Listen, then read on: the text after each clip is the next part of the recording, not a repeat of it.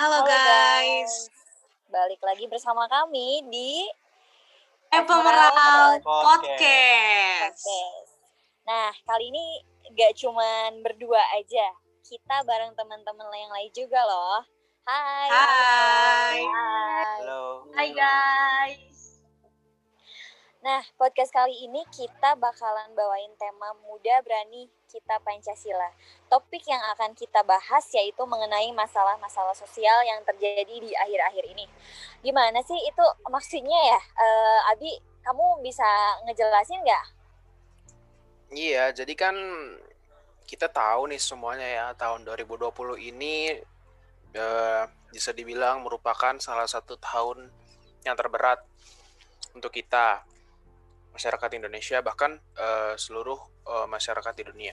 Karena adanya eh, pandemi nih, pandemi COVID-19 yang masuk ke Indonesia tuh pada awal Maret ya, tanggal 2 Maret kalau nggak salah. Dan COVID ini eh, mengubah semua kebiasaan normal kita menjadi kebiasaan-kebiasaan yang baru seperti kayak kita lebih sering mencuci tangan, menjaga kebersihan dan kita juga sekarang harus ini ya saling menjaga jarak agar eh, memperlambat laju penyebaran virus COVID. Jadi gimana sih menurut kalian sendiri COVID ini apa yang kalian rasakan masing-masing? Ada nggak? Iya, eh, dari masalah COVID ya, tentu saja saya pribadi juga ngerasain ya dampak eh, COVID itu berat. Eh, seperti contohnya kayak dampak ekonomi, terus dampak psikolog, banyak lagi sih yang nggak bisa disebutin ya. Contohnya kayak dampak buat rumah sakit itu kasihan banget ya, kewalahan gitu. Terus kayak petugas-petugasnya juga kan dia pasti ada rasa takut ya takut buat eh, meriksa pasien COVID, takutnya kan mereka eh, kena juga, walaupun sebenarnya mereka juga memakai APD lengkap ya. Terus kayak dampak psikolog, dampak psikolog itu kayak eh, orang-orang di sekitar kita gitu. Misalnya ada satu keluarga yang kena COVID lalu meninggal. Nah, kasihan juga gitu, keluarga mereka tuh jadi kena gitu psikolognya. Kayak kepikiran, was-was, takut gitu. Dan untuk yang misalnya ada yang kena terus meninggal kasihan juga gitu harus eh, pemakamannya itu harus sesuai dengan eh, peraturan dari pemerintah gitu yang nggak bisa keluarga tuh nggak bisa ikut eh, untuk ikut ke makam gitu hanya Ah, ah, untuk memakamkan cuma bisa lihat dari jauh gitu. Terus eh, dampak dampaknya juga ke semua tuh ngaruh kayak ke ekonomi tuh juga ngaruh kayak ke eh, kantor-kantor. Kantor-kantor pasti banyak karyawan yang di PHK terus kayak pedagang-pedagang kecil juga banyak yang disuruh berhenti nggak bisa jualan lagi. Terus kayak eh, orang-orang kecil kayak istilahnya yang cuman jualan kayak jualan pedagang-pedagang kecil di jalanan ya kalian tahu ya yang kayak gitu itu Ya. juga ngaruh kasihan juga mereka gitu. Harus harus cari uang dari mana gitu. Sedangkan eh, mereka cuma bisa eh, nyari penghasilan dari situ. Terus kayak karyawan-karyawan di PHK ini kan Indonesia kan banyak tuh pengangguran nah semakin dikeluar semakin banyak yang dikeluarin semakin banyak juga pengangguran. Terus ada ada dampak positifnya juga sebenarnya. Dampak positifnya juga masyarakat juga lebih bersih ya. Terus eh, lebih waspada. Terus eh, masyarakat yang tadinya gak rajin olahraga jadi rajin olahraga. Betul. terus sebenarnya masih banyak sih ya. Cuman ya itu eh saya juga pengen ngejelasin banyak ya. Cuman karena waktunya juga kurang cukup masih banyak permasalahan lain yang harus dibahas. Jadi eh kita langsung aja ya. Ke kemarin dengar-dengar ada berita banyak berita hoax ya di luaran sana. Eh, itu apa sih ya? Bi- bisa dikasih tahu nggak eh, hoax hoaxnya hoax semacam apa? Nah, bener banget tuh. Di era pandemi kayak gini banyak banget pemberitaan yang hoax kayak seperti penyakit COVID ini penyakit yang sangat mematikan, penyakit yang tidak bisa disembuhkan. Terus dan awak media ini memanfaatkan keadaan tersebut kayak mereka memanfaatkan keadaan yang salah. Jadi pinter-pinternya kita di sini sebagai mahasiswa atau sebagai masyarakat itu mengambil dari nilai nilai positif dan kita itu harus bisa untuk bisa me- menyaring menyaring berita agar tidak salah paham ke depannya. Oleh karena itu, jadi kalau misalkan ada beri pemberitaan tentang apa pun itu, jadi kita harus bisa ditelaah terlebih dahulu, disaring terlebih dahulu agar tidak salah paham. Kan karena penyakit COVID ini kayak pemberitaan ini sangat sensitif dong di tahun ini. Jadi seperti itu, banyaknya pemberitaan hoax yang masuk dan agar melatih diri kita untuk bisa aware, untuk bisa melihat situasi kondisi dan menyaring informasi tersebut. Menurut kalian lagi nih teman-teman, kalau misalkan pemberitaan hoax itu kayak gimana sih menurut kalian? Ada nggak kayak opini lain dari kalian dari pemberitaan hoax yang terjadi di tahun ini? Kalau uh, pemberitaan lain tentang hoax tahun ini, maksudnya ya uh, COVID ya, kayak ya, apa ya? Uh -uh, kayak permasalahan sosial seperti itu kan. Sebenarnya banyak ya. Uh, coba deh dari kalian ada nggak sih uh, maksudnya kalian juga pasti nggak cuma dia main Instagram gitu nonton berita. Pasti ada ada satu hal yang uh, bisa apa sih yang maksudnya yang yang menerap gitu di di pikiran kalian tentang covid ini gitu. Uh, ada nggak sih dari salah satu dari kalian gitu yang kayak permasalahan sekarang gitu? Uh, dari covid juga sebenarnya banyak ya hoax-hoax yang beredar gitu kayak apa ya uh, jumlah pasien jumlah jumlah penderita covid itu banyak katanya ter, paling banyak itu di Indonesia. Dan kalian percaya nggak wow. sih gitu? itu kayak di apa ya kayak dilebih-lebihkan gitu nggak sih? Iya betul. Betul. Dan itu tuh kita tuh sebenarnya kalau saya pribadi itu nggak percaya karena nggak ada bukti gitu hanya cuman sebatas angka doang yang ditayangin di televisi. Iya. itu juga termasuk hoax ya menurut menurut saya termasuk iya bener banget gitu. berita bohong. Iya bener ya ya setuju. Bukan real kayak ada bukti-bukti yang nah bener nggak um, sih guys yang tadi dong iya. Gimana sih uh, menurut kalian dari yang saya omongin sama Arda itu bener gak maksudnya uh, kayak berita hoax terus covid angka-angka covid. Banget nih hoax sangat meresahkan nih. Sangat meresahkan ya? Hmm, meresahkan dunia Indonesia. Iya. Nah, nah uh, berita-berita bohong. Tuh mau nambahin guys? Ya. ya gimana? Kalian inget gak waktu awal-awal corona datang ke Indonesia itu ada kartu anti coronavirus yang dijual di Oh, kalung itu ya? Itu loh, ya yang marketing yang kayak Raffi Ahmad juga pakai, Nagita Slavina juga pakai, Ayu Ting Ting juga pakai. Jadi masyarakat awam yang tidak teredukasi dengan virus itu kayak oh beli nih biar nggak terjangkit virus atau gimana kek padahal kita nggak tahu di kartu itu ada bahan berbahayanya atau enggak dan juga kan itu hoax ya guys uh, terbukti gak mengatasi virus corona. Menurut kalian gimana guys tentang kartu itu? Ya sebenarnya waktu ada kalung itu ya, kayak kalung kan ya, kalung anti corona uh, itu katanya. Apa disebutnya itu yang dari iya. Jepang iya. ya kalau nggak salah? Iya, pokoknya dia apa tuh kayak itu di kalung kesehatan ya, atau bukan? yang dari Jepang uh, yang yang katanya tuh bisa nangkal corona kan, kayak anti corona banget. Gitu. Ya, benar. Iya, sebenarnya kalau secara logika sebenarnya kurang masuk akal ya. Cuma banyak uh, pro dan kontra ya. Banyak yang percaya, banyak yang nggak percaya. Nah, itulah karena banyak pemberitaan-pemberitaan yang hoax-hoax kayak gitu. Tapi nih ngomong-ngomongin soal kalung tadi, uh, kita melenceng dikit ya dari uh, pemberitaan hoax ya. Kita, uh, aku pengen bahas tentang ini loh. Kemarin tuh sempat ada penimbunan masker oleh uh, dari orang-orang tertentu gitu. Itu gimana menurut kalian? Secara kan nih kita semua butuh masker waktu itu waktu pertama kali corona masuk ke Indonesia, tapi juga banyak orang-orang yang menimbun masker jadi mereka ngeborong semua masker sehingga masker tuh banyak yang habis. Itu eh, merupakan kan eh, salah satu sikap sosial yang buruk ya karena kita tidak memikirkan orang lain Betul. Ada tanggapan? Ada. Ya, mungkin dari situ juga masyarakat tuh panik ya, panik buying kayak mengambil semua yang tidak apa ya berlebihan kayak gitu loh. Jadi akan kasihan kan kayak masyarakat kecil yang tidak kebagian masker kayak gitu. Jadi kurangnya rasa keseimbangan lah di antara masyarakat tersebut dan kurangnya juga rasa peduli kayak tidak ada rasa empati mungkin ya, dari yang sama. dari yang panic buying kayak gitu mereka membeli semua bahan-bahan atau peralatan-peralatan buat dirinya sendiri bahkan mereka tidak memperdulikan uh, bagaimana masyarakat lain yang istilahnya kebutuhannya itu belum tercukupi kayak gitu. Betul, Kalau apalagi yang ada, lain gimana? ya, apalagi ada yang menimbun masker dijual lebih dari harga pasarnya. Jadi Oh iya misalnya benar tuh. satu Wah, box iya itu bener tuh.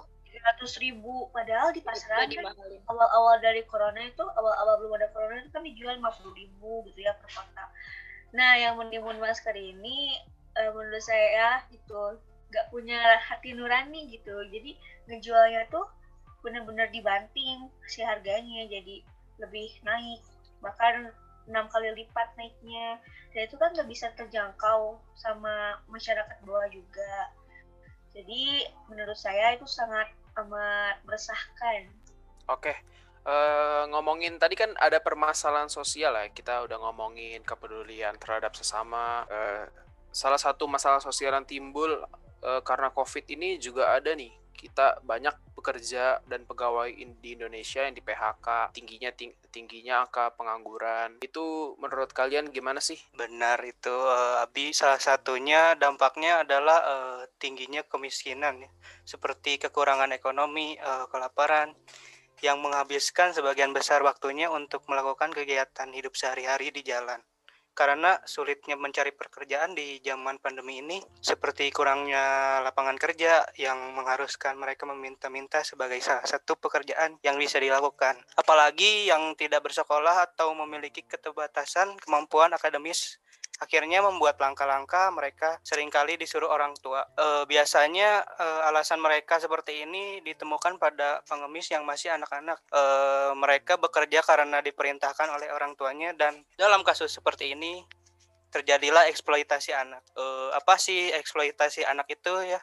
Jadi eh, eksploitasi anak adalah bentuk paksaan dan kekerasan terhadap anak dan sejumlah tenaga kerja paksa dan berbentuk perbudakan gitu. Iya, jadi kita masyarakat eh, menengah ke bawah juga bingung ya Zart ya. Eh, karena mereka tuh bingung cara bertahan hidup bagaimana. Karena yang pertama mereka juga eh, mengalami kemiskinan, mereka eh, serba kekurangan dan tidak adanya bantuan yang mencukupi kebutuhan mereka. Eh, dengan itu mereka eh, dengan terpaksa ya turun ke jalan, mengamen, mencari uang untuk bertahan hidup.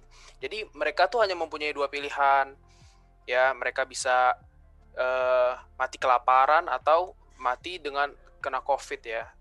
Eh, ya itu sungguh sungguh miris ya karena masyarakat Indonesia ini belum merata bantuannya. Jadi mungkin eh, kami dari kelompok 4 ini mengharapkan agar eh, ke depannya pemerintah Indonesia lebih memperhatikan bantuan-bantuan terhadap masyarakat kecil agar eh, kesenjangan sosial ini bisa teratasi gitu. Oh ya, Bi, bahwa eh, Indonesia itu satu, Indonesia itu penuh beragam budaya dan kita di sini juga harus bisa peduli terhadap sesama. Jangan sampai ke rasa apa ya, rasa kayak kita mempunyai rasa sombong itu jangan sampai ada tertanam dalam diri kita. Karena kita itu harus eh, apa namanya merangkul sesama masyarakat. Jadi biar Indonesia itu tetap terjalin kebersamaannya dan Indonesia itu tidak apa ya tidak adanya ke ketidakseimbangan dalam ekonomi. Jadi biar merata kayak gitu sih. Kalau kalian gimana dari kalian sendiri nih yang tadi dibahas mengenai dampak mengenai hoax dan lain-lain. Kayak ada pemikiran lain gak sih tentang kayak masalah sosial yang di tahun ini yang kita jalanin sekarang kayak gitu? Apa ada ada apa aja sih di dalamnya? Kayak gitu mungkin. Gimana yang lain eh, ada pendapat sendiri nggak? Maksudnya eh, tadi kan udah kita bahas. Nah dari yang lain gimana nih eh, tanggapan kalian gitu? Em, Oke kalau misalnya udah cukup ya, eh, saya mau tanya ke Bella nih masalah vaksin. Maksudnya ke semua ya bukan ke Bella aja. Eh, tanggapan kalian mengenai vaksin yang udah datang itu gimana sih? Percaya nggak? saya nggak percaya sih Dil ya soalnya karena adanya vaksin itu ada nih eh, undang-undangnya nih gimana cara vaksin ini diberikan ke rakyat Indonesia. Katanya eh, vaksin itu hanya diberikan pada kelompok usia 18 sampai 59 tahun. Nah untuk di bawah umur itu gak, di, gak diperbolehkan karena tidak ada uji klinis yang dilakukan pada usia 0 tahun sampai 18 tahun. Karena nggak ada uji klinis yang lebih lanjut. Nah, juga vaksin ini kalau misalkan ada nih masyarakat awam atau masyarakat yang nggak mau gitu divaksin, itu juga ada gugatan pasalnya pasal 30 yang berbunyi setiap orang yang dengan sengaja menolak untuk dilakukan pengobatan dan atau vaksinasi COVID-19 vaksinasi COVID-19 dipidana dengan pidana denda paling banyak sebesar 5 juta. Nah, menurut aku ya, masyarakat awam itu menolak vaksin karena belum adanya uh, apa ya? testimoni lah ya. Jadi kita tuh nggak tahu tuh vaksin itu sehat apa enggak maksudnya tuh bakal berhasil apa enggak karena masyarakat tuh ketakutan isinya apa aja gitu. Menurut kalian gimana guys dengan adanya vaksin Sinovac ini buat masyarakat Indonesia? Nah, kedatangan vaksin ini memang cukup penting nih, mengingat kondisi saat ini kan. Dan eh, ada kita dengar kan awalnya untuk mendapat vaksin ini kan untuk para nakes nih, karena mereka yang lagi berjuang dan mereka juga yang paling rawan terkena virus ini. Kita sebagai masyarakat pastinya senang kan, tapi juga kita takut karena vaksin ini kan belum diuji. Terus kita juga takut efek sampingnya ada ada atau enggak nih. Ya, tapi di sisi lain juga vaksin ini perlu kan untuk antibodi kita untuk menghadapi virus COVID ini. Ya, intinya kita berdoa aja sih semoga vaksin ini nantinya dapat bekerja dengan baik dan bisa melindungi kita dari virus-virus itu. Itu sih kalau pendapat saya sih. Ya jadi pentingnya uh, masya uh, apa pemerintah untuk uh, membuat masyarakat percaya uh, tentang keamanan vaksin ini ya Des ya? Iya benar. Ya okay. trauma uh, takutnya jadi mengurang lah. Oke. Okay. tapi ya di Indonesia ini uh, yang berbahaya itu bukan karena corona doang loh. Corona ini baru-baru ini aja kan satu tahun belakangan ini. Yang paling bahaya tuh uh, salah satunya itu perpecahan kelompok internal di Indonesia. Uh, gimana sih salah satu uh, contoh-contoh perpecahan kelompok menurut kalian ada nggak yang punya ide? Menurut aku sih salah satu perpecahan kelompok ya itu kalian tahu nggak sih istilah cebong sama kampret gitu. Oh itu yang dari pilpres kemarin itu bukan ya? Iya nih dia tuh sebenarnya uh, perpecahan kelompok antara cebong sama kampret itu terjadi pada tahun 2014 kan waktu pilpres 2014 itu dia kayak membelah jadi dua kubu gitu jadi dua apa dua kelompok masyarakat gitu antara pilpres yang satu dengan yang satu lainnya. Terus berlanjut waktu pilpres 2019 dan mungkin berlanjut sampai sekarang juga sih. Ya disayangkan lah ya karena masyarakat kita e, terpecah belah karena pilihan politik doang dan sampai berlarut berlarut-larut gitu ya sampai sekarang. Iya ada yang ya. ada yang pilpres ini pilpres itu jadinya kayak permasalahin banget gitu nggak um, jauh dari keluarga kalian pasti juga berbeda pendapat ya? Ya benar. Ya, bahkan di keluarga di keluarga sendiri juga ada perpecahan kelompok antara pemilih ya pemilih kecebong atau kampret gitu. Tapi itu sebenarnya perlu dipermasalahin ya. Toh sekarang juga uh, yang ininya udah udah damai kan? Udah udah udah udah udah udah, udah. Nah, jadi kita sebagai masyarakat Indonesia harus lebih uh, memperhatikan tentang persatuan dan kesatuan uh, negara kita ini. Karena Indonesia ini tidak hanya bisa hancur dengan uh, dari faktor luar aja. Bahkan Indonesia ini bisa hancur kalau kita ini masyarakat Indonesia tidak menjaga persatuan dan kesatuan. Nah, betul Bi. Bahkan Soekarno juga pernah bernarasi nih pada hari pahlawannya di tanggal 10 November di tahun 900, 1961. Kayak gini narasinya. perjuanganku lebih mudah karena mengusir penjajah, tapi perjuanganmu akan lebih sulit karena melawan bangsamu sendiri. Nah, itu sekarang kita benar-benar ngerasain ya yang namanya ngelawan bangsa sendiri kayak gimana karena terjadi perpecahan di dalam negeri ini sendiri, guys. Gitu. Ya, jadi kami dari kelompok 4 menghimbau kepada seluruh masyarakat Indonesia agar selalu menjaga keutuhan dan persatuan antar masyarakat Indonesia. Nah, betul betul. Jadi uh, ini kan sebenarnya uh, Indonesia tuh nggak pernah berhenti ya, nggak pernah berhenti dengan kata politik. Pasti setiap hari ada aja berita tentang politik.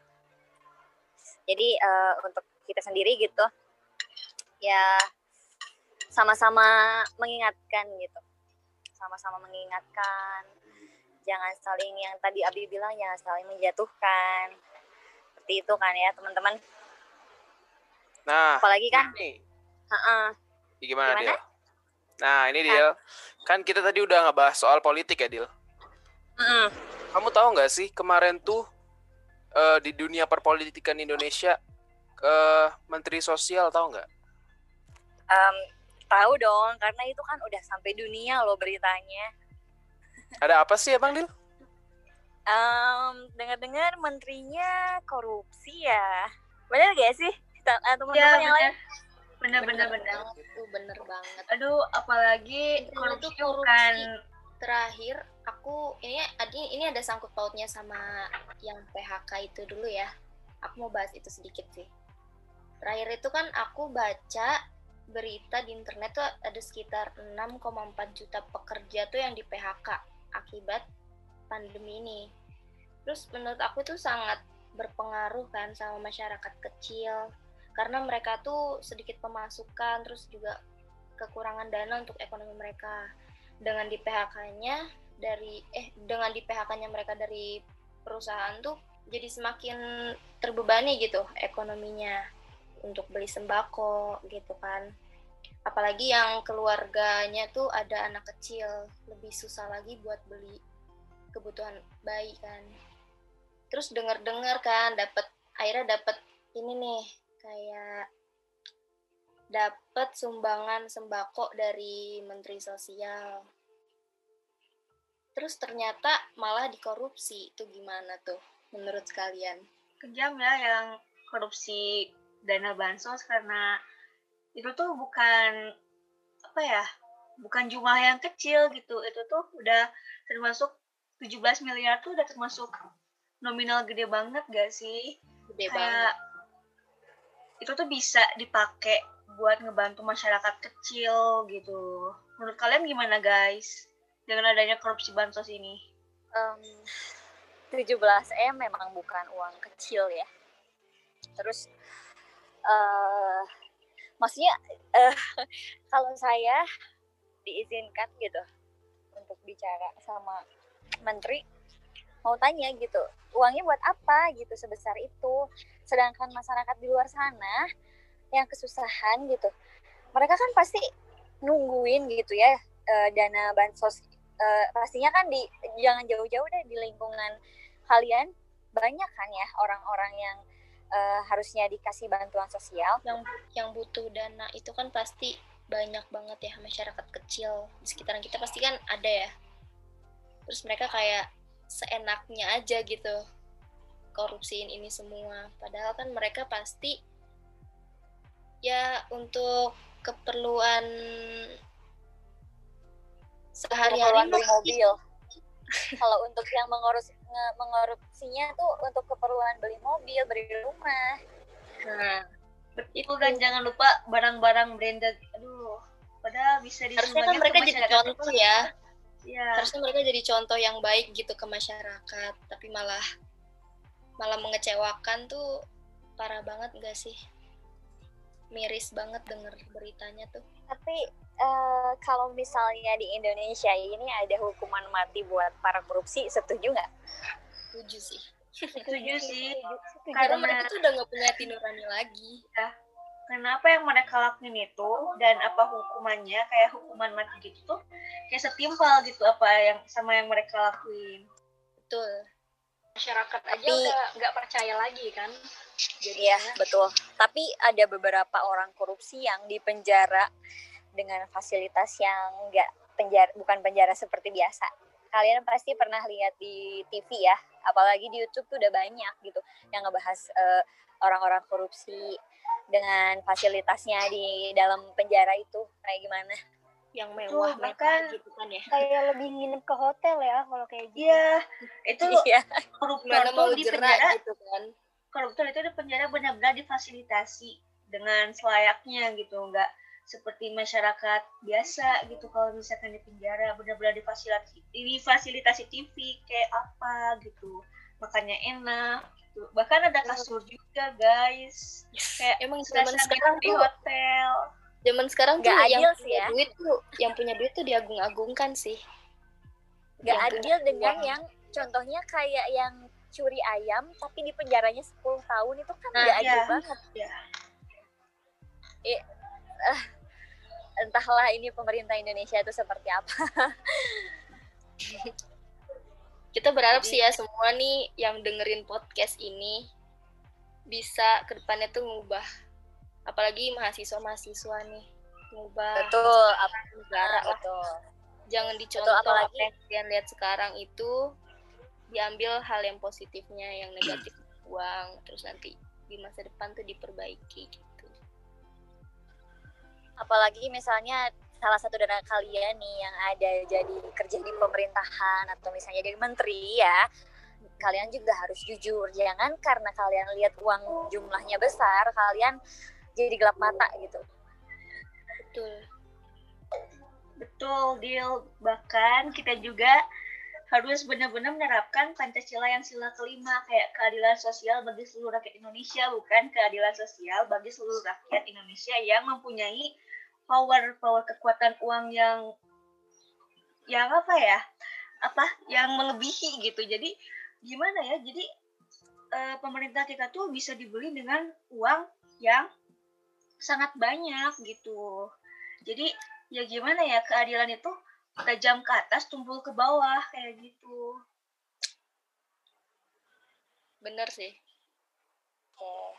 Nah, teman-teman, tadi kan kita udah bahas nih dari mulai COVID, terus eh, pemberitaan hoax, terus ada perpecahan politik dan bansos. Nah, nah eh, eh, saya mau tanya nih sama Rona, gimana nih caranya negara kita ini bisa membangun masyarakatnya agar tidak terbohongi? Jadi banyaknya permasalahan sosial ini diharapkan masyarakat bisa sadar akan pentingnya menjaga kesatuan antar sesama. Jangan sampai masyarakat kita ini terpecah belah. Terus dan kita juga harus meningkatkan kewaspadaan terhadap berita-berita yang hoax gitu, yang bohong-bohong. Betul, betul. Jadi eh, masyarakat itu harus bisa sadar ya intinya jangan sampai eh, terpecah terpecah belah, oleh eh, hoax-hoax yang di luar sana ya, yang banyak gitu. Terus em, sebenarnya banyak ya eh, yang harus dibahas, tapi kayaknya udah cukup untuk saat ini gimana teman-teman masih ada eh, pendapat lain atau misalnya ada sedikit yang mau kalian sharing juga atau yang lain gimana? Halo. Ya, Ya, kalau pada saya sih, hmm, masyarakat di Indonesia harus berpintar-pintar dalam menggunakan media sosial ya. Jadi Mm-mm. di- masyarakat di Indonesia itu harus pintar mana yang baik, mana yang benar, mana yang palsu, mana yang benar gitu. Terus Hmm, bimbingan orang tua juga harus masuk gitu. Jadi orang tua harus membimbing anaknya supaya anak-anaknya benar dalam menggunakan media sosial atau bergaul yang lain. ah, betul harus eh, lebih diawasi ya, harus dalam pengawasan Iya, orang tua ya, betul. kalau terutama untuk anak-anak ya. Betul betul betul. Jadi kita semua tuh harus eh, bisa apa namanya? bisa membedakan gitu mana mana hoax dan mana yang bukan. Tapi menurut saya susah ya, susah membedakan itu apalagi di sosial media, terutama di Instagram nih ya. Sekarang sekarang lagi booming nih. Eh gimana tanggapan anak-anak yang lain? Apa udah cukup sampai di sini aja? Atau misalnya ada ada apa? Ada pendapat uh, dari dari yang barusan uh, Zil dan kata katakan gitu ke, ke kita semua ada yang mau ditambahin gitu atau enggak? Atau sudah cukup sampai sini? Oh ya. Dan untuk masyarakat yang lain harus patuhi kalau kata pemerintah jangan keluar jangan keluar gitu. Terus buat pemerintahnya juga kalau bekerja itu harus benar gitu harus jujur jangan ada yang korupsi jangan ada yang bohong-bohongan. Soalnya terus buat itu menteri pendidikan ya. Supaya benar gitu apa namanya kurikulumnya cara belajar di rumahnya. Banyak masyarakat atau anak-anak yang belajar di rumah itu nggak benar sekolahnya. Nggak ada yang masuk juga materinya. Jadi buat yang lain ada solusi lain atau pendapat lain nggak? Aku ada pendapat Zildan. Ya sok. Ya kan masa pandemi gini pembelajaran secara daring ya. Mau semua apa ya semua pelajar itu kan mulai dari SD, SMP, SMA bahkan kuliah juga kan. Nah kebetulan nih uh, aku punya adik kecil, dia kan masih SD ya. Pasti dong perlu perlu jangkauan dari orang tua juga. Nah tapi kan saat-saat seperti ini banyak tuh yang menyalahgunakan handphone kayak gitu. Bah, apa sih harusnya kan dipakai daring ya mulai pakai scroll Instagram atau sosial media lainnya. Nah, kalau misalkan kita apa? Kita nggak melarang si anak itu untuk apa ya? Maksudnya kita tidak memberi edukasi kepada orang tua yang memiliki anak kecil ataupun orang dewasa gitu yang memberikan edukasi pada anak kecilnya. Kita tuh harus ngerti gitu kalau misalkan bukan kita yang negur siapa lagi? Karena yang berperan penting di pertumbuhan anak-anak kecil itu ya orang-orang dewasa. Mungkinnya kayak gitu guys. Jadi ya mungkin kalian kalau punya adik atau punya sepupu kecil mungkin kalian itu bisa memberi edukasi gitu pada anak kecil itu biar bisa menggunakan fasilitas pendidikan dengan baik dan benar kayak gitu guys kurang lebih dari aku tambahannya. Baik. Jadi eh, itu kata Bella harus orang tua itu harus mengedukasi ya. Harus benar gak Bella ya? Harus harus uh, ada pengawasan orang tua harus ya betul. uh, ya harus banyak edukasi gitu apal apalagi di uh, masyarakat ini ya. Nah um, uh, saya rasa ini sudah cukup panjang ya kita bahas dari awal sampai uh, sampai ya maksudnya sampai sekarang gitu. Uh, buat teman-teman yang lain, apa ada tambahan atau misalnya uh, saran gitu buat uh, buat orang-orang uh, yang dengerin podcast ini atau misalnya sudah cukup? Mungkin sampai sini dulu kali di kita uh, obrolan-obrolan kita di mungkin uh, kalau ada ke apa kesempatan lain waktu kita bakal oh. ngebahas-bahas uh, tentang permasalahan yang lain kali ya Dil ya. Tergantung uh, pendengar kita nih Dil mau request kita ngebahas apa Dil. Boleh, ya kalau misalnya kalian yang di rumah yang lagi dengerin podcast kita, kalian misalnya mau request kita ngebahas apa, boleh langsung di chat aja ya, uh, siapa pun gitu. Iya, Benar gak mungkin nanti, yang lain ya, juga mungkin ya? Nanti dicek aja ya, uh, mungkin ada kontaknya di Spotify kita, mungkin bisa dicek mau request mau oh. kita mau bahas apa. Ya nanti kita cantumin Instagram kita ya, Boleh. sekalian di follow. Jadi mungkin segitu aja kali ya Dila. Ya? Iya gitu aja. Yang lain gimana? Segitu segitu aja ya. Yang lain pada ke mana ini yang lain? Ya lah pada udah ngantuk ya. Ya, ya mungkin ya, udah capek, segitu aja ya, ya guys podcast dari kita. Sampai bertemu di podcast berikutnya. Ya, Bye. semoga sehat selalu ya kalian semua di rumah, tetap jaga kesehatan. Jangan Bye. lupa 3M guys. Bye.